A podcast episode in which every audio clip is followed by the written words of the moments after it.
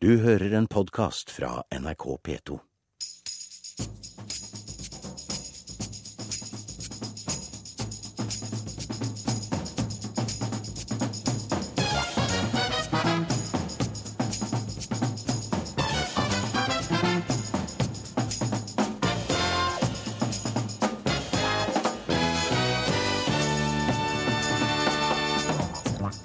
Som er utsatt for alvorlig vold og overgrep, skal avhøres innen ei uke. Likevel må mange vente i over én måned. Barna risikerer å bli hos overgriper helt til de får prate med politiet, sier Unicef Norge. Mattilsynet finner mus og kakerlakker på restaurantkjøkken.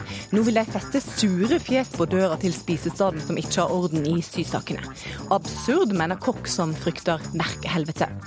Og NRK må bli flinkere på høyrehumor, mener Kringkastingsrådet. Den er grei, svarer Ukeslutt og gir deg de artigste vitsene fra regjeringspartiene. Vet du hva som er forskjellen på Jonas Gahr Støre og Gud? Ja, hva er forskjellen på Jonas Gahr Støre og Gud? Det får du vite litt seinere her i Ukeslutt. Velkommen skal du være. Jeg heter Sara Victoria Rygg. I denne sendinga skal vi også møte to som egentlig ikke vil møtes. De skal møtes, nemlig klimaskeptikeren og klimaforkjemperen. Men vi starter sendinga i rettssalen. En mann i 50-årene som ble anmeldt i mars, må i dag møte i Salten tingrett, tiltalt for seksuelle overgrep mot to døtre. Den eh, tiltalte i barnehagesaken i Tromsø innrømmer straffskyld på 23 av 26 punkt i tiltalen. Den tiltalte familiefaren i 40-åra fra Hadeland erkjente delvis straffskyld da han avga forklaring om alvorlige seksuelle overgrep i dag. Mannen er tiltalt for en rekke forhold flere steder på Østlandet, bl.a. voldtekt og overgrep mot åtte barn. Tre voksne menn på tre forskjellige steder i landet i tre ulike saker. Alle måtte denne veka møte i retten tiltalt for overgrep mot barn. I den ene saka skal en tidligere barnehagetilsatt i Tromsø ha forgripet seg på 17 av barna han skulle passe på. Alle barn som blir utsatt for vold eller overgrep skal avhøres av politiet. Fra oktober i år kom det en ny lov som sier at eh, i de mest alvorlige vold- og overgrepssakene, og der politiet mener at det haster, skal barnet avhøres innen ei uke. Det ser bra ut på papiret, men Ivar Stokkereit, juridisk rådgiver i UNICEF Norge, hvordan er det i virkeligheten? De siste tallene fra oktober i år viser jo at mer enn halvparten av barna eh, som skal avhøres i disse sakene, må vente mer enn 30 dager, altså mer enn én måned, før det tas avhør av dem. Hva frykter Unicef Norge at det kan gjøre med disse barna? Altså Konsekvensene av at man venter så lenge før man eh, tar avhør, det, det er mange. Eh, en av konsekvensene er jo at vitneavhøret til barnet får mindre verdi i en eventuell straffesak. Men like alvorlig er det jo at barna kommer mye senere i gang med oppfølging og får hjelp for det de har opplevd. Og i ytterste konsekvens så risikerer vi jo at det er en del barn som må fortsette å leve med vold, overgrep og omsorgssvikt i tiden fram til gjennomføres avhør. Vi skal prate mer om dette. her. Vi skal høre først et lite eh, klipp av hvordan det er for et barn å komme til eh, et av barnehusene. Det ser nesten hjemmekoselig ut. Rommet har lyse vegger, lyse gardiner, og oppå et skap ved døra står ei potteplante. Du, Gjør han det når det er noen andre sammen med dere noen gang? Nei. Nei? Er det bare du og pappa som er sammen da? Mm. Ved et rundt bord med ei pakke Kleenex midt på sitter ei lita jente og vrir seg på stolen. Hun er på barnehuset i Oslo og skal fortelle politibetjenten foran seg om hemmeligheten hun og pappaen har delt en stund. Det er slik at De fleste barn de forteller ikke lett. De avslører ikke lett, de forteller ikke lett om overgrep, om vold.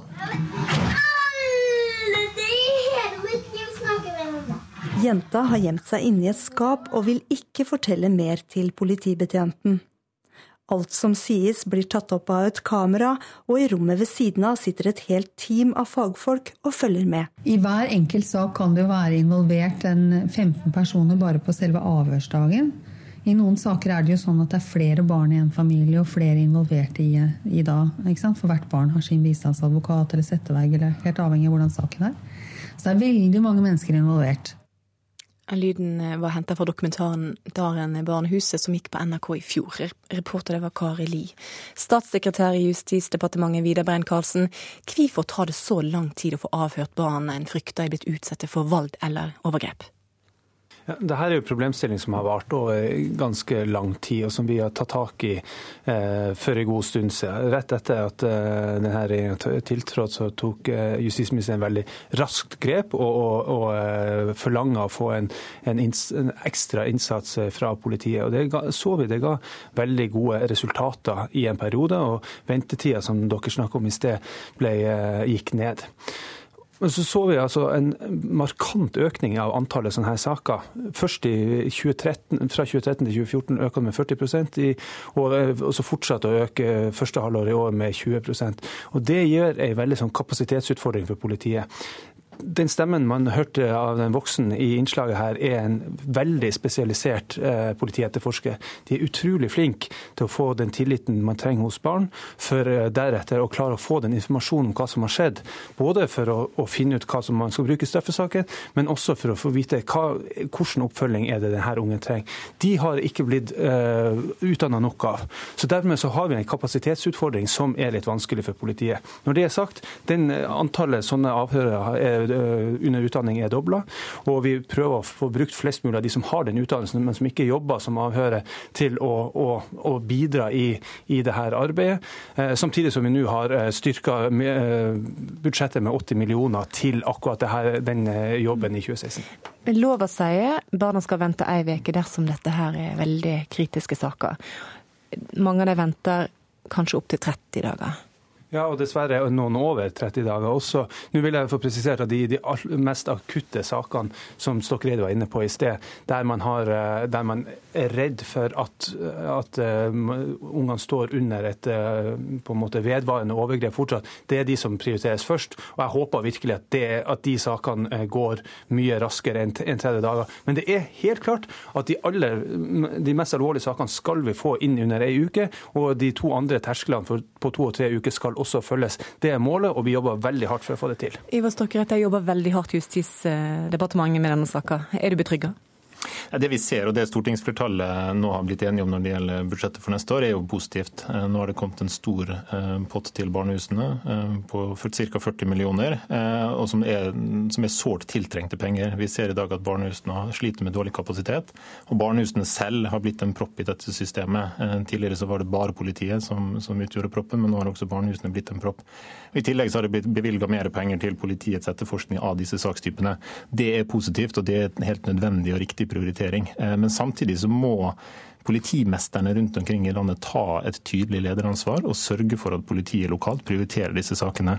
Statssekretæren var inne på at det nå utdannes flere dommeravhørere enn det har vært gjort tidligere.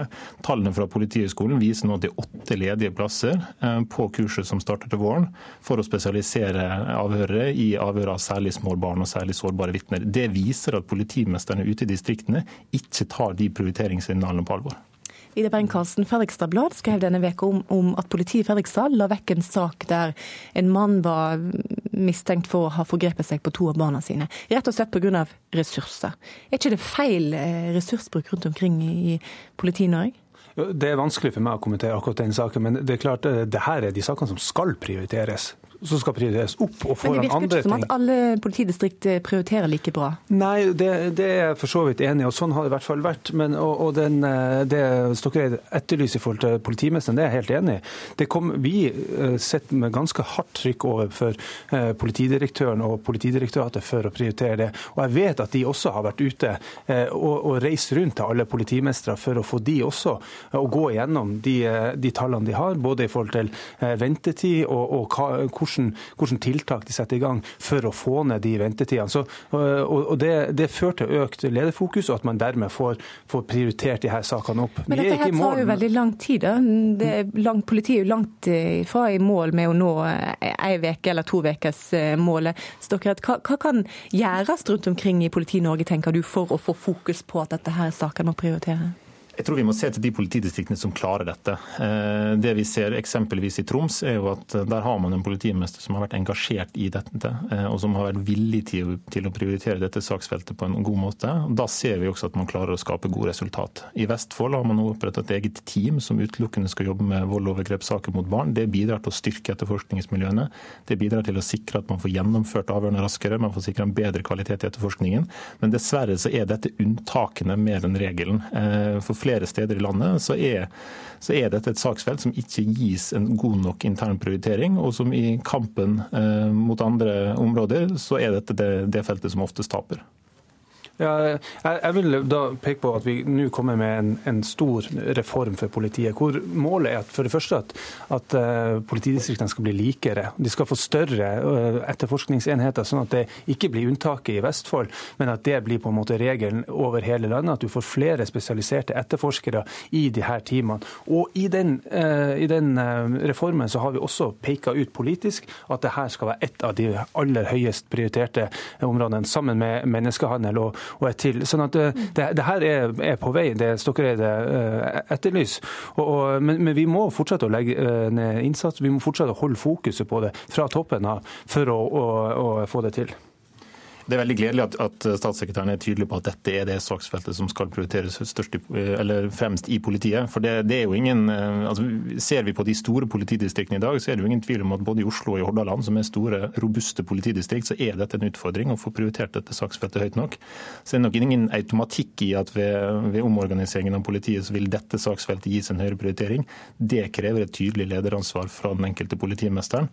Og Signalet fra statssekretæren er jo at dette skal tas på alvor, og da forventer vi også at de politimesterne ute velger å gjennomføre dette på en ordentlig måte. I New York i USA og i Malmö i, Sverige så har politiet klart å forvente tida ned til tre dager. Når har vi slike gledelige tall i Norge? Ja, Da vil jeg også ta tak i noe du sa i sted, at, eh, de, at noen som må vente 30 eh, dager når de bare skal vente i, i, ei uke. Altså, noen sånne her avhør foretas innenfor tre dager. Eh, ikke sant? Jeg var selv å, og overvare et sånn her avhør for å lære litt om det før vi, før vi innførte den nye reformen her.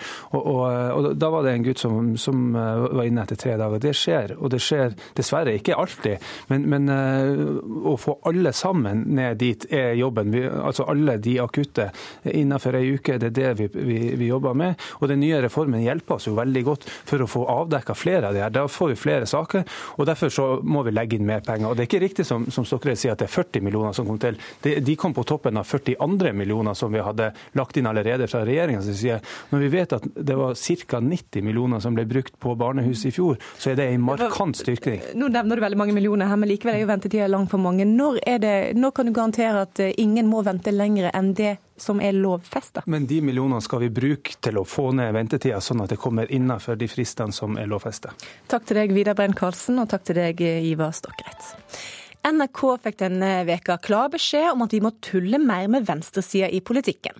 Kringkastingsrådet mener NRK sin satire har en venstrevridd slagside, og ber oss bygge opp et satiremiljø med ståsted på høyresida. Ukeslutt tar oppmodinga på alvor, og gir i denne sendinga ordet til de artigste politikerne på høyresida. Først ut Stefan Heggelund. Hei, jeg heter Stefan, og jeg sitter på Stortinget for Høyre. Egentlig er det jo ganske mange som har ledd av sosialdemokratiet denne uken. Fordi Kringkastingsrådet har foreslått å kvotere inn humor på radio og TV.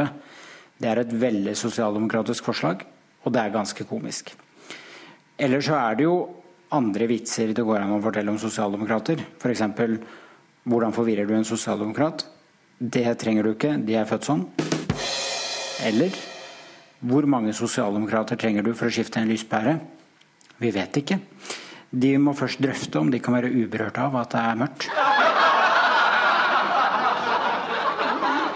Og litt senere i sendinga får du servert mer høyrevridd moro, så bare gled deg. Akkurat nå flyr alle klimatoppene til Paris for å sette seg ned og diskutere hvordan vi skal fly litt mindre. Klimatoppmøtet starter på mandag, og i Oslo sentrum er det nå straks klart for klimamarsj. Reporter Marie Røsland, hva er det for noe? Jo, en klimamarsj det er rett og slett en marsj med et ganske så klart politisk budskap. Det er rett og slett at verdens ledere må gjøre noe med klimaendringene, og det raskt. For over hele verden så blir det denne helgen arrangert eh, slike marsjer. Det skulle også vært en i Paris, men den er pga. sikkerhetstiltak avlyst. og Derfor så håper arrangørene at folk f.eks. Eh, i Norge stiller opp og eh, viser at de virkelig vil at politikerne skal ta eh, klima på alvor. Så her på Jernbanetorget så eh, er det straks klart for avmarsj. Eh, og det er folk fra mange forskjellige miljøorganisasjoner som vil vise at de bryr seg om miljøet. Vi kommer straks tilbake til deg, Marie Røsland. Fra mandag av så skal altså statsledere fra hele verden forsøke å bli enige om hvordan vi skal løse klimaproblemet. Men som vanlig står partene langt fra hverandre. Her hjemme diskuteres klima rundt kafébordene. Også der står partene langt fra hverandre. Reporter Gry Veiby har møtt to av dem. Ja, jeg vil tro at vi er på to forskjellige planeter. Anja Bakken Riise ser skeptisk på meg. Jeg har foreslått at hun skal møte en hun absolutt ikke har lyst til å møte. Nå føler jeg meg litt dum. Jeg, har, jeg, jeg, jeg tror aldri jeg har møtt en klimaskeptiker. Men la oss skru klokka en halv time tilbake. Anja er politisk rådgiver i Framtiden i våre hender. Litt, uh, det er litt grønnsaker. I leiligheten til Anja er det alltid rester i kjøleskapet, og aldri kjøtt. Miljøengasjementet kom inn med morsmelka. Jeg husker at vi var medlem av, av Framtiden i våre hender. Mm. Og at vi hadde en sånn kalender på kjøleskapet der vi eh, kryssa av for tiltak vi skulle gjøre i hverdagen. Og da husker jeg at mamma fortalte meg at nå kunne hun ikke lenger kjøre meg til svømminga fordi at, um, fordi at det var under tre kilometer til svømmehallen, så da måtte jeg ta bussen. så jeg, jeg husker jeg syns det svei litt, de der miljøtiltakene vi innførte i hverdagen. Om to dager møter verdens statsledere i Paris for å diskutere hvordan verden kan løse klimakrisa. Men som mange av de tidligere klimamøtene står landene og interessene mot hverandre. En overordna forventning er jo at man faktisk skal komme fram til en avtale som reduserer klimagassutslippene, sånn at vi når den grensa på to grader, at vi ikke går over to grader. Men det er vel, de fleste vil vel si at det er kanskje en litt overambisiøs eh, forventning, dessverre. For klima er en het potet. I USA konkurrerer de republikanske presidentkandidatene om å latterliggjøre hele klimaproblemet. Well, first of all, I'm not a believer in global warming. I'm not a believer in man-made global warming. I believe there's weather. I believe there's change, and I believe it goes up and it goes down and it goes up again. Og her hjemme ble Norge via spalteplass internasjonalt etter Aftenpostens intervju med Siv Jensen. Du er den eneste partilederen her i landet som har aktive eh, og høyrøsta klimaskeptikere i ditt eget parti. Er du sjøl overbevist om at de klimaendringene som er dokumentert de siste ti åra, er menneskeskapte? Nei. Jeg liker å tenke at hun ikke sa det akkurat sånn. For jeg vil ikke at hun skal ha sagt akkurat sånn. Anja har et vinrødt skjerf som halvveis dekker det mørk blonde håret.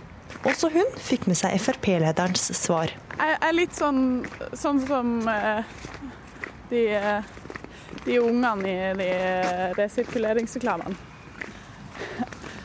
Jeg, jeg er liksom ikke sint. Jeg er fryktelig, fryktelig skuffa. Jeg er litt sint òg, egentlig. Vi er på vei til å møte Geir Aaslid fra organisasjonen Klimarealistene. Han er en av dem som tviler på menneskets påvirkning på klimaproblemet. Nå nærmer vi oss. Hva tenker du? Er du spent, eller? ja, jeg er jo det. Spent er kanskje også politikerne, som skal sette seg ned ved forhandlingsbordet til uka. For er avstanden like stor som det den er mellom Anja og Geir fra Klimarealistene? Nei, ikke offisielt. Alle land stiller seg offisielt bak resultatene fra FNs klimapanel. Og i klimaforhandlingene så har jeg aldri hørt noen som har benekta at det finnes menneskeskapte klimaendringer. Det sier Steffen Kalbekken. Han er forskningsleder ved Cicero senter for klimaforskning, et institutt som er internasjonalt anerkjent som en av de fremste på klimaforskning. Men innad i mange land raser debatten. Trua på menneskeskapte klimaendringer varierer ganske betydelig mellom ulike land. USA er da f.eks. et land der det finnes ganske mange klimaskeptikere. Du skal snart få høre mer fra Steffen. Anja og Geir har nå møttes på en helvegansk kafé. Geir har tatt av seg capsen der det står 'Klimarealistene' på. Og det er ikke bare Anja som har vært skeptisk til dette møtet. Vi har to klimadebatter i Norge. Vi har en politisk religiøs klimadebatt, og vi har en vitenskapelig klimadebatt. Og det jeg har sett av Miljøstiftelsen i avisene tyder på at de eh, driver på i den politisk-religiøse klimadebatten. På en måte så tenker jeg at det er veldig sunt at vi møtes, fordi at det, det, vi, måten vi begge snakker om å møte hverandre på, er jo liksom at vi sitter på hver vår tue eh, og, og, har kanskje tanker om hvordan andre er. Og så tror jeg at vi begge mener at det vi står for er fundert på vitenskap, og at det den andre står for, ikke er det. Men eh, la oss legge skepsis til side og gå på sak og to helt ulike virkelighetsforståelser. Menneskets påvirkning på klimaet er så liten at den til nå ikke har vært målbar. Og Det stemmer med det klimapanelet sier, og det stemmer med det f.eks. Cicero sier. De siste eh, rapportene fra FNs klimapanel er jo helt utvetydige. De sier at klimaendringen er her, klimaendringen er menneskeskapt. Eh, det er feil. fordi Det eh, klimapanelet sier, er at vi, i det forrige århundret så hadde vi to oppvarmingsperioder. En i de varme 1930-årene og en like varm periode mellom 1977 og 1996. Og etter det så har det ikke vært noen signifikant global oppvarming. Så Flertallet av forskerne i veldig mange forskergrupper de venter på observasjonene av hva drivhusgassene faktisk gjør med klima. Og Inntil man ser de observasjonene, så sitter man og venter. Jeg vet ikke hva jeg skal si. Anja sitter hoderystende og hører på det Geir sier. Veldig mange særinteressegrupper har funnet hverandre i klimasaken. Og de har felles uh, interesser, og delvis overlappende interesser. Det dreier seg om politikk, og det dreier seg om penger. Jeg påpeker at det hele kan høres litt konspiratorisk ut. Eh, økonomisk egeninteresse er alltid en mye bedre forklaring på det andre liker å omtale som konspirasjoner. Ja, men økonomisk egeninteresse, vet du hva årslønna mi er? altså, vi blir ikke akkurat rike i framtiden i våre hender. Målbar, og det stemmer med det Tilbake til Steffen fra Cicero. Cicero sier. Han får høre et opptak av debatten på kafeen. Jeg skulle gjerne sett en setning eller avsnittet i klimapanelet som sier det han påstår. Steffen har fulgt klimaforhandlingene i en årrekke, og mener Geir kunne representert Saudi-Arabia i Paris. Saudi-Arabia f.eks. er nok et av de aller mest skeptiske landene. Anja kunne representert flere land. Hun kunne representert Norge, EU, Sveits. Eh, det store flertallet av land støtter seg helt og fullt på FNs klimapanel, og, og representerer i veldig liten grad skepsis til funnene fra klimapanelet. Det er veldig størrelsesorden Saudi-Arabia mot resten av verden. Da. På kafeen er Geir og Anja i alle fall enige om én ting. Jeg tror ikke at vi klarer å flytte på hverandre. Jeg tror at det er en tapt sak, dessverre. Ja, Det høres jo ut som om eh, vi har bestemt oss begge to, og da leter man etter tvilerne for å få de over på sin egen side. Vi skal tilbake til miljømarsjen i Oslo sentrum, og reporter Marie Røsland, har dere begynt å marsjere for klimaet nå? Marsjen er ikke begynt helt ennå, men nå er det masse folk her. Og alle ser ut til å nærme seg eh, avgang, eh, eller avmarsj. Jeg står med to av de som er veldig klare, og eh, en av de er deg. Det er Viktor Larsen Stenberg. Du er tolv år gammel, og så er du med i Miljøagentene. Hva er Miljøagentene for noe? Miljøagentene er barnas miljøorganisasjon, hvor barn og unge kan engasjere seg til å være med, støtte miljøet og hjelpe. Vi hørte nettopp en reportasje i Ukeslutt hvor noen er veldig skeptisk til at det er mennesker som har skapt klimaendringene. Hva vil du si til disse skeptikerne? Det er jo eh, Forskerne har jo forsket i dag at eh, de har funnet ut at det er vi som har gjort det. Og de som er profesjonelle, burde jo være profesjonelle for en grunn. Så de burde vite at vi gjør det. Og hvis ikke de tror på det, så er jo det dumt. For det er jo sant. Hvorfor er du opptatt av miljøet, da? Eh, fordi er, vi er, som er barn i dag, skal jo vokse opp en dag. Og vi vil jo ikke ha en ødelagt jordklode. Vi vil ha en bra jordklode og deilig. Så det håper jeg blir bra. Senere så skal du holde en appell eh, utenfor Stortinget til alle disse menneskene rundt deg, og så skal du gjøre en annen ting. Hva er det for noe? Eh, jeg skal gi en, eh, eller krav til Børje Brende eh, fra Barnas klimapanel. Som vi har laget fra over de 300 innspillene som vi har fått inn fra barn over hele landet. Så står jeg også her med en som har vært litt lenger med i gamet. Det er deg, Lars Haltbrekken. Du er leder i Naturvernforbundet. Hvorfor vil de høre på barna, og kanskje ikke så mye på deg? Jeg håper inderlig at de kommer til å høre på ungene, for det er et stort engasjement som de har for sin egen framtid. Samtidig så er det viktig at vi ikke bare overlater dette ansvaret til barna, men at vi tar et ansvar sjøl også. Vi er kanskje den siste generasjonen som faktisk kan gjøre noe for å unngå de alvorlige konsekvensene av klimaendringene. Både Viktor og Lars skal holde appell, og dere skal få tre inn i marsjen. Eh, god marsj, begge to. Tusen takk. Takk til deg, Marie Røsland. Hei, jeg heter Atle Simonsen. Jeg er formann i Fremskrittspartiets Ungdom, og dette er min vits. En Frp-er møter Jonas Gahr Støre på urinalen på Stortinget. Frp-eren kjapper seg og drar opp smekken med en gang han ser Støre. Jaså, har du noe å skjule? sier Støre. Så svarer Frp-eren ja, hver gang dere sosialister ser noe som er stort, velfungerende og privat, så er det alltid nye skatter på vei.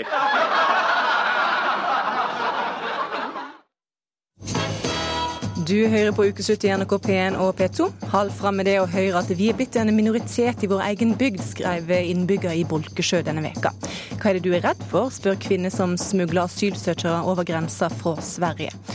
Og etter å ha kjøpt det samme smykket til kona tre juler på rad, glemte Carl I. Hagen ett år å kjøpe gave til Eli. Den feilen gjør han aldri igjen. Og det var en litt pinlig uh, julaften, for å si det sånn.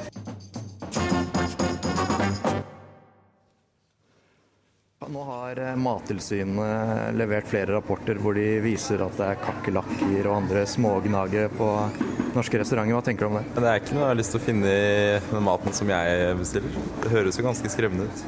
Jeg har sett flere steder tegn til um, um, uhygieniske tendenser. I og med at jeg går hit og spiser den maten som blir servert her, så regner jeg med at det er trygt. Nei, jeg regner med at det skal være reint. Da. Kjenner du noen som eh, har blitt syke av å gå på restaurant før? Jeg har jo fått noen timer på ramme etter å ha vært på McDonald's.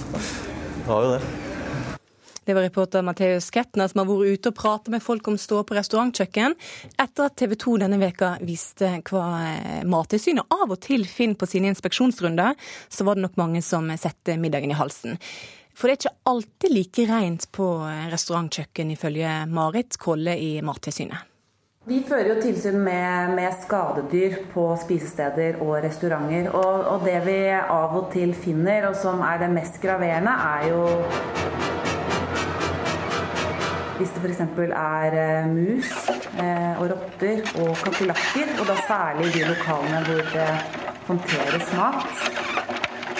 Mm, og det henger ofte sammen også med et dårlig renhold. For det er klart Når det er eh, mange gamle matrester sånn som ligger i lokalene, så er jo det godsaker også for disse skadedyra.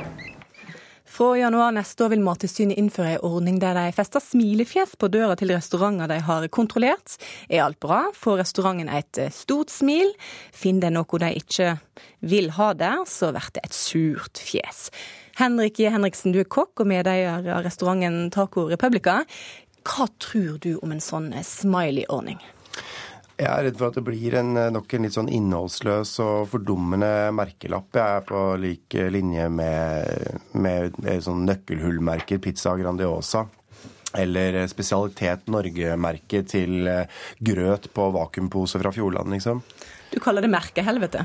Ja, det er litt sånn merkehelvete, for det er fordummende. ikke sant? Altså, det er jo ikke sånn at vi snakker om at Mattilsynet skal få økte bevilgninger her, sånn at de kan få økte, hyppigere rutiner. Det er bare at de skal bevise at de har vært der med en merkelapp, men, de, men det, det, sier jo ikke noe om hvor ofte de kommer på besøk. Og utskiftning i restaurantbransjen er jo absurd eh, høy. Eh, så, og det som setter preg på, på kjøkkenet, er jo kokken. Så du har ikke trua på at en slik smile-ordning kan gjøre oss eh, gjestene mer opplyste? Nei, jeg tror uh, tvert imot. Altså, vi kan jo bare se en veldig tenkt scenario. At, uh, og det er også noe absurd i det. Altså, jeg tror kanskje Mattilsynet kan, kan, undergrave sin egen tillit til befolkninga. fordi la oss si at jeg går innom en veldig hyggelig liten burgersjappe, hvor Mattilsynet har vært, og jeg har alltid vært og spist, og jeg liker stedet og sånn, og så står det plutselig sånn surt tryne utafor der så, som at Som forteller meg da som forbruker at ja, her må du gjerne spise, men, men hygienen suger, og det er ordentlig ordentlig grisemøkk der inne. Men bare spis, altså. altså. Er det sånn, så burde de jo stenge stedet, og, og ikke åpne før det er rettet opp. Vi skal til en mann som et mye på restaurant. André Blomberg Nygaard, du er restaurantanmelder i VG, og du kaster terning etter du har vært på restaurant og sier hva du tenker om staden. Hva tenker du om en slik smiley-ordning? Nei, jeg, jeg, ser jo det at uh, folk ofte henger seg opp i disse terningene som, uh, som jeg uh, triller. Jeg skriver jo en lang greie, ca. 3500 tegn, om hva jeg syns, men det er jo ofte terningen folk henger seg opp i. Så jeg tror at forbrukeren er glad i sånne visuelle, enkle virkemidler som, som kan gi de informasjon. Nå skal ikke jeg være superpragmatisk på en lørdag formiddag, men vi ser vel det at rutinene er blitt bedre i de områdene hvor de har brukt denne ordningen. Og så tror jeg vel helst det at eh, Altså, jeg kommer ikke til å sette meg ned hjemme når jeg skal velge ut hvor jeg skal gå ut og spise med min kone, og gå gjennom Mattilsynet sin liste for å se hvem som har smileyface eh, og hvem som ikke har det. Så jeg tror ikke det er der de vil få gjennomslagskraft. Men det er klart, hvis du rusler med to i promille senere i kveld nedover Torgata og, og skal ha deg en kebab, så er det jo veldig enkelt å forholde seg til at den ene har smilefjes og den andre har ikke det. Og så, eh, så kan du velge deretter. Hva kan et surt smilefjes eller surt fjes gjerde på døra til en restaurant? Det, altså det morsomme er at jeg trekker frem kebabsjapper, for at de skal jo ikke få det. Det er jo egentlig bare restaurantene hvor det er mulig til å sitte ned, som kommer til å få dette. Og de som der hvor det virkelig trengs, som er nettopp eh, mye av hurtigmaten, der skal det da ikke gjennomføres. Så det er nok en sånn absurditet, da.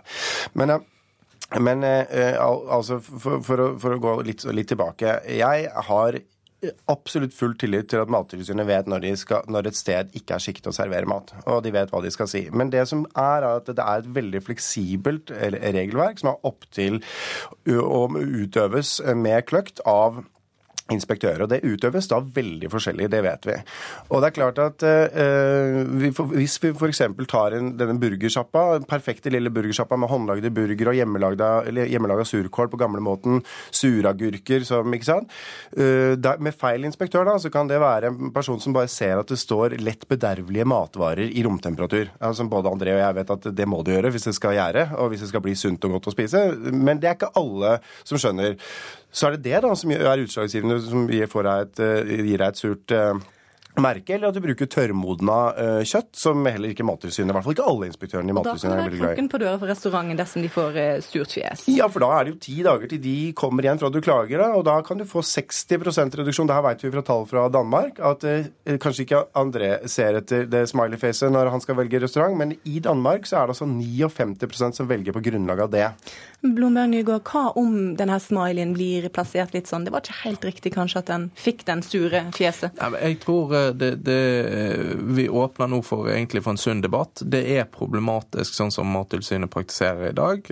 De burde være der oftere. Det, og skal man ha en sånn merkning, så, så, bør man jo definitivt det. Jeg var inne i forkant av eh, denne sendingen for å sette meg litt inn i hva som har skjedd i Trøndelag og steder hvor de har hatt dette. Man ser at folk har smileyface basert på mm, tester som ble gjort i 2013. Eh, sånn at det er ikke veldig eh, aktuelt, egentlig. Men eh, de må få mer bevilgninger til å gjøre dette. Og så sitter vi her og diskuterer det i beste sendetid på en lørdag. Og så får vi vel eh, Det ligger mye på restauranten også å sørge for at de eh, skriver regelverket sitt sånn som de skal ha det i dag. For det er jo egentlig ikke så veldig mange krav, annet enn at du skal ha kontroll på hva du holder på med. Mm. Surefjes eller smilefjes. Eh, I dag er det jo f.eks. restaurantanmeldelser da, som kan være, bety kroken på døra for, for en restaurant. Hva, hva frykter du mest? Et surt fjes eller eller en sur anmelder? Ja. Nei, altså, jeg, En sur anmelder syns jeg egentlig er helt uh, topp. Det, det er, alle, alle, vet at dette kommer fra et subjektivt sted, og det er, det er på en måte helt innafor. Men dette her skal liksom komme fra et objektivt sted, og dette uh, smiley face, og det kommer fra et sted som ikke nødvendigvis har den bredeste tilliten i verden. Vi snakker om en etat som syns det er greit at du tar inn multi-antibiotikaresistente bakterier gjennom kylling og svin inn i kjøkkenet ditt. Her, så vi skal ikke være altfor kritiske til deg, men, men André Blomgård Nygaard, du har blitt kasta ut og nekta adgang på restauranter, både privat og ja, som anmelder etter sure terningkast. Hva Hva er det de frykter, restaurantene? Det vet jeg ikke. Nå har jeg faktisk aldri blitt nektet eh, noe sted. Du har ikke blitt nektet? Og, nei, det er skrevet en artikkel i Dagens Næringsliv om en boikott, men jeg har aldri fysisk blitt nektet noe sted. Jeg har vært tilbake på alle de stedene, både privat og, eh, og jobbsammenheng. Men eh, jeg, det gjelder vel stort sett alle næringer. Vi hadde vel en episode her for noen år siden hvor eh, man ønsket å innføre en stjernemerkingsordning av hoteller, eh, som bransjen klarte å få stoppet. Eh, det er de fleste næringer ønsker ikke å bli sett etter i kortene. Eh, og når det da skal synliggjøres, eh, så er man jo litt eh, redd for hvordan det vil se ut. Det vil, vil jeg tro er naturlig. Er det det som er bekymringa? Er du redd? Nei, altså dette her er jo åpne dokumenter. Eh, Mattilsynets inspeksjoner er jo helt åpne til offentlige dokumenter, og det syns jeg er helt topp. Dette som er veldig, veldig viktig, er at som jeg var inne på i sted, at ofte kan det være faglig uenighet. Om, om, fordi det er et fleksibelt regelverk, og det skal det være. Med den ordningen man har i dag, så har man muligheten til å ha en profesjonell dialog, og så blir man enige om resultatet. Men dette her egentlig minsker det rommet for den profesjonelle dialogen, og dermed mindre kompetanseutveksling, og bare rett og slett blir fordummende. Det er det jeg frykter. Økte bevilgninger, økte, mm. uh, mye flere inspeksjoner. Mm. Det er jo det vi vil ha. Vi i bransjen vil jo gjerne ha det. Alle vil ha mer inspeksjoner. Uh, og du er redd for at gjestene, de, eh, gjestene blir litt dummere og sier bare 'Å, der er smiley, da går vi forbi', der Ja, som, som, som, André var inne på, altså du har smileys fra 2013. Hva er det, da? Da slutter folk å bruke huet. Kanskje de slutter til og med å bruke nesa og lukte hvordan det lukter inn på restauranten, fordi de ser den der smileyen i døra, liksom. Men uansett hva du sier, Henrik til Henriksen, så blir ordninga innført uh, først eller 2. januar. eller hvordan det er. Er du redd for smiley på, på restauranten din? Nei, altså vi tar imot Mattilsynet sånn som vi alltid gjør, med eh, rak rygg, eh, åpne armer og et kritisk blikk. Takk til deg, Henrik Henriksen, og takk til deg, André Blomberg Nygaard. Du hører en podkast fra NRK P2. Julegaveshoppinga er i gang. I går var det kaos Norge rundt da mange butikker inviterte til den amerikanske shoppingdagen Black Friday. Køene var lange og prisene lave. I løpet av tida fram til jul så skal vi bruke mange tusen kroner på julegaver. Og mange er kanskje litt stressa, for det er ikke alltid lett å finne den perfekte gava til den perfekte personen. Reporter Karoline Arnstøl Elgsem dro på shopping med Eli Hagen. Hei, hei. Jeg bare lurer på om dere har Keler og Maggio og vase. Gull mellomstor. De fins bare sånne bitte små. Å nei. nei, da blir det de. Da blir det den. Det ble ikke vasen, men gave ble det. For Eli Hagen har alltid en plan B.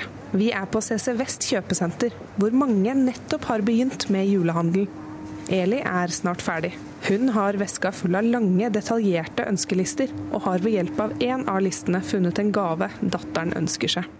Hvis ikke jeg får ønskelister, så blir det ikke julegaver. Altså, Kjøpe julegaver for å kjøpe en gave som du ikke aner om er velkommen, er ikke noe gøy. Med ønskelista i den ene hånda og visakortet i den andre, er Eli klar til å betale for noe hun vet vil bli satt pris på. Ja, det er kjempefint. Flott. Med julepapir. Med julepapir og byttelapp hvis hun får flere. Flott. For hun ser ikke poenget i gaver som ikke kommer til nytte. Jeg syns det er bortkasta penger å kjøpe ting til folk som de putter i et skap og ikke har bruk for. Gaver som bare blir liggende, har Eli lang erfaring med. Ektemannen han gikk i samme gullsmedbutikk lille julaften eller julaften og kjøpte samme anhenge. Og da jeg fikk det tredje gang, så sa jeg du, jeg har to fra før, så nå må du komme og se. Men det var ikke det verste. Det verste var han glemte julegave til meg et år. Og det var en litt pinlig uh, julaften, for å si det sånn. Blant travle shoppere og julegillandere i handlegata Bogstadveien er tidligere Oslo-ordfører Fabian Stang i gang med juleshoppingen. Nå ble det jul. Jeg er, um, har startet å lete etter presanger, og foreløpig er jeg kommet til et par sko til meg selv. det er jo også et start på julehandelen. Men egentlig skulle han finne en gave til kjæresten. Hun er veldig um, flink til å gi små hint om hva hun ønsker seg. Og det er til stor nytte for, eh, for oss som skal gå ut i den store verden og finne noe. Hvis man ikke tar hintene, er det viktig å ikke gripe etter lommeboka og bare finne en hvilken som helst dyr gave. Ja, Da syns jeg det er bedre å la være. Da er det bedre å tegne en tegning og si at jeg er glad i deg og lage et hjerte. Eh, det, det, er mye bedre enn å bare kjøpe noe for å kjøpe noe. De to siste årene har det ifølge tall fra DNB blitt mer vanlig med den typen gaver man ikke kan stue bort i en skuff. Vi gir oftere bort opplevelsesgaver, og denne trenden har også kommet til julekalenderne. De tidligere årene så har det kostet kanskje I hvert fall en tusenlapp, nesten per kalender. På kjøpesenteret Sten og Strøm i Oslo sentrum møter jeg mammablogger Jeanette Issa. Hun er en av dem som er lei av dyre kalendergaver. I tillegg til at det kostet så mye, så hadde jo de enda høyere forventninger. Så de ble jo mm, i noen av lukene ganske skuffa og misfornøyde og syntes at det var kjedelige gaver, da. Og kjedelige gaver, det blir det lite av i år. Da tenkte jeg at vi må finne på noe annet som gjør at de eh, lærer å sette litt mer pris på. Og at vi kan gjøre ting sammen. At noen av lukene vil være å ha en aktivitet som hele familien kan glede seg over, da. Hvordan tror du ungene dine vil reagere på gavekalenderen sin i år? Det er jeg veldig spent på. Det kan godt hende at jeg mottar litt negativ eh, mottagelse, men da blir jo alternativet at vi kjøper en vanlig sjokoladekalender til ti kroner neste år. Tilbake på CC Vest er Eli Hagen glad for å være ferdig med enda en gave. Én gave mindre. Det er deilig. Og jeg har kjøpt mange allerede. Sånn. Mens ønskelista pakkes pent ned i veska igjen, avslører Eli at hun ikke tar sjansen på at mannen Carl glemmer henne enda en jul. Som regel så går jeg ut og finner noe jeg ønsker meg, og legger det av, så må han gå og hente og betale. Nei, han får ikke noe liste, han får det ikke til.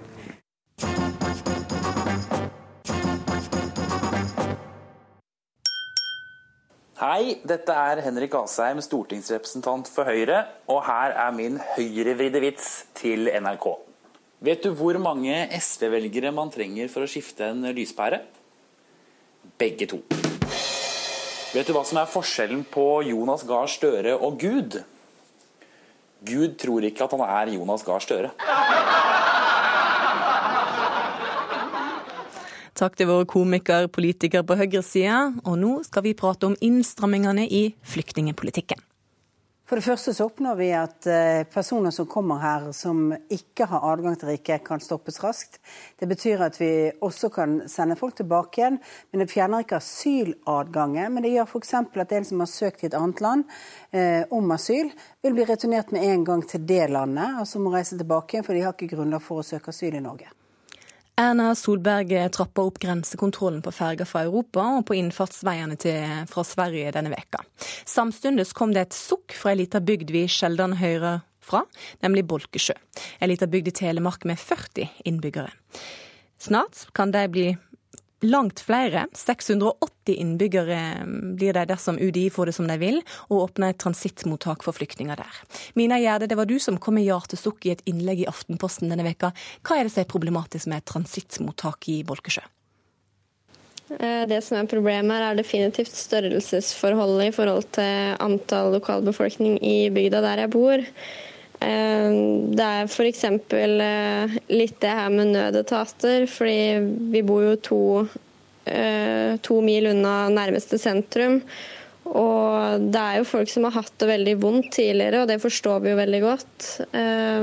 Så det er jo på en måte frykten for at det en dag kanskje kommer til å skje, skje noe. Da. De menneskene lever under psykisk stress hele tida. og og du hører jo av og til at det er noen som, som på en måte ikke takler det så bra, at det skjer eh, handlinger som ikke er så bra. Og når du da har veldig lang tid før både politi og brann og, og ambulanse kan komme, så skremmer det i hvert fall noen av barnefamiliene i bygda. Og det er jo når de flytter at vi ikke lenger har noe samfunn. Så du er litt skeptisk? Eh, ja, jeg er skeptisk til størrelsesforholdet, som sagt. Jeg er ikke skeptisk uh, til de vi allerede har der. Det, går, altså, det er ikke problemfritt, men det, vi skal selvfølgelig bidra, vi òg. Vi, vi, skal prate med ei som ikke er så skeptisk til om det kommer mange asylsøkere til, til Norge. Sofia, jeg bruker bare etternavnet ditt, nei, fornavnet ditt. Etternavnet ditt vil du at vi skal holde hemmelig. Du ble anmeldt av politiet for menneskesmugling etter at du smugla en syrisk familie fra Sverige til Norge. I Bolkesjø så sier de nå at de begynner å føle seg som minoriteter fordi det kommer så mange. Hva, hva tenker du om det? Jeg forstår eh, på mange måter tankegangen til eh, Mina. Men jeg tror det er veldig viktig at det ikke er de og oss. Jeg føler at det er veldig de og oss i tankegangen. i hvert fall. Det er absolutt eh, folk som har opplevd mye vondt, men det er mennesker som har veldig veldig lyst til å starte noe nytt og et en stort ønske om et normalt liv. Et fredfullt liv. Det er sikkert veldig mange barnefamilier av de som kommer til dere også, som har akkurat de samme ønskene for barna sine som de som allerede bor der, i fylket ditt. Så mm, jeg tenker at fremmedgjøringen av eh, de gjør at eh, det blir veldig, veldig vanskelig for samfunnet og for alle sammen å klare seg hvis det blir de og oss. Mina Gjerde, blir det de og oss? Eh, jeg forstår også hva du prøver å si, si, med det, og selvfølgelig så skal man ikke se annerledes på hverandre i den forstand. Men det som er litt av problemet vårt, er at de mottakene her, så er det snakk om i teorien at de skal være en uke, og så skal de videre. Så det er litt det at det blir et problem for oss å kunne bli kjent med de òg, eh, og at de kan bli en del av oss, for de skal være der såpass kort tid. Og jeg er helt sikker på at mange av de også ønsker eh, et liv som uten, uten at de trenger å være på flukt, og uten at de har det vondt. Men samtidig så så er det jo på en måte sånn at de, de, kommer jo fra det, og det er ikke noe de har valgt selv. Men det er også mange av de som på en måte, De har jo problemer litt på grensekontrollene med å skille på det også, da. Eh, hvem er det som, som er på flukt, og hvem er det som er immigranter som på en måte eh, søker etter, etter lykke i Norge. Det er litt det òg. Hadde man enda kunnet hjelpe de som virkelig trenger eh, hjelp, som er på flukt. Men det er både og. Sofie, du, du gjorde deg til menneskesmugler når du smugla en familie inn fra, fra, Sverige til Norge. Forstår du at ikke alle kan ha like voldsomt engasjement som, som det du har? Um, ja, på um, mange måter kan jeg forstå det. Men um, jeg tror at uh, hvis folk sitter med den informasjonen og mye av de erfaringene ja, så tror jeg de hadde sett litt annerledes på det. Jeg tror det er dessverre mye um, uvitenhet som gjør at folk kan uh, velge å se på det som uh, skummelt og um, Jeg tror du folk i Bolkesjø er redde? Ja, det tror jeg. Jeg tror ikke det har vært så veldig mye kontakt med flyktninger og veldig mange forskjellige minoritetsgrupper der. Hva sier du til det, Mina? Altså, det er jo selvfølgelig blanda. Eh, man kan ikke forvente at alle har samme mening, så her kan jeg nesten bare snakke for meg selv. Eh, så jeg f.eks. Jeg har jo nevnt på dette med haikere, da, bare for å ta et eksempel, at jeg hadde ikke hadde ikke stoppa og tatt de på, men det har jeg også sagt at det hadde jeg ikke gjort om det var tre nordmenn heller. Men når jeg har hatt med meg kjæresten min, eh, så har jeg faktisk plukka opp noen og prøvd å bli kjent med dem, fordi at det er ikke det at jeg frykter de så lenge altså Det handler mer om at jeg er en jente på 20 år alene i en bil, på en måte. Og, og det handler ikke noe om at de er flyktninger. Det er på generell basis at jeg har den holdningen til akkurat det. Men når jeg da plukka de opp, så prøvde jeg å prate med de, prøvde å spørre hvordan de hadde det, hvor de kom ifra. Men de kan jo, kan jo på en måte ikke norsk. Altså, de kan si Notodden, dit de skal til. De kan si Bolkesjø, at de skal tilbake dit. Og de kan si hvor de er ifra. Så det er litt problematisk å bli kjent òg. Eh, og på en måte kanskje få et annet bilde av de de vet nok veldig godt de selv også at de skal være der den korte perioden de skal være der. Og eh, det er vel sikkert ingenting mer de ønsker enn å kommunisere til dere hva de føler eller Men altså, språkbarrierer, det er jo en altså, Det kan man jo ikke gjøre så mye med når de er, så, når de er så tidlig i prosessen da, med denne mm, asylprosessen. Jeg tenker liksom at det er eh, en ekstrem, ekstrem humanitær krise som skjer av at det, man plukker opp noen haikere, og at du syns det er en frustrasjon over at dere ikke kan snakke sammen. At det blir på en måte en ekstremt liten, liten ting i hva som skjer i verden. Så jeg føler at vi må Men Hva kan Mina gjøre for, gjøre for å kommunisere med dem? Hun kan jo ikke snakke med dem, de snakker ikke mm. norsk. Nei, altså De eh, flyktningene jeg har møtt, snakker Veldig mange av de snakker engelsk. Så jeg, snakker, jeg kommuniserer med engelsk. Jeg snakker med Google Translator. Jeg tror jeg De fire månedene jeg har jobbet med dem, så har jeg brukt Google Translator, og det funker veldig bra. Så jeg har veldig mange andre apper jeg kan foreslå som man kan gjøre. Hvis man virkelig har lyst til å kommunisere, så får man til det meste. Det er ikke lett å komme inn på noen som skal være en uke på et sted, og i tillegg så kunne sikkert, om jeg hadde hatt tid til det, eh, jobba som frivillig og vært der nede og prøvd på det, men alle de som bor på Bolkesjø har jobber de må til hver dag. De har barn de må kjøre på fotballtrening. Altså, det er ikke så lett å få satt av nok tid til at man skal kunne engasjere seg så mye at man blir kjent, når de allikevel ikke skal være der mer enn en uke. For da må man jo konstant stå på for å prøve å bli kjent og prøve å og på en måte gi de en del av vårt samhold. Det, det, er jo ikke mulig. Mina Gjerde, nå har UDI sagt at de må vente med dette her transittmottaket i Bolkesjø til litt ut i 2016. Er du glad for det? Eh, ja, altså I går så kom jo den nyheten eh, på Telemarkssendinga. Eh, og da trodde vi jo med en gang kanskje at de kom til å vente litt med å ta avgjørelsen. At det jeg har prøvd å, å komme frem med nå, hadde kanskje gitt de en mulighet til å få tenkt seg litt om eh, angående størrelsesforholdet, og kanskje fordele det litt bedre utover andre kommuner som ikke har tatt inn noen. Men nå viste det seg i dag etter nærmere titt at det handler om at brannforskriftene på Bolkesjø hotell ikke er eh, oppfylt da, i forhold til å kunne ta imot så mange flyktninger. Men UDI har ingen dialog med oss. så vi gjetter oss fram. Vi har vært i kontakt med UDI, de hadde ikke høve til å stille i ukeslutt i dag. Takk til deg, Mina Gjerde, og takk til deg, Sofia.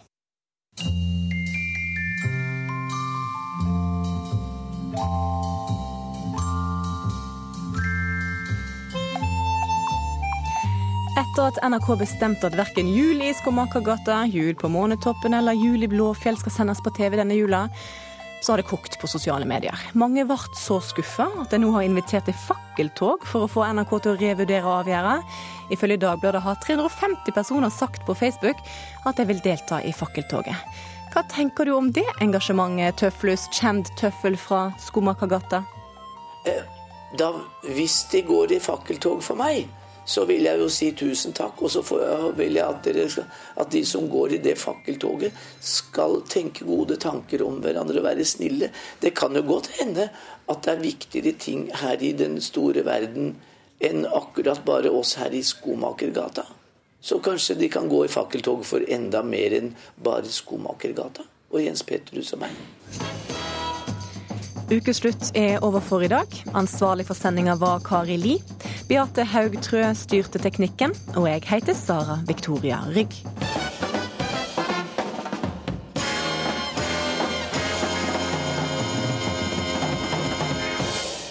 Du har hørt en podkast fra NRK P2.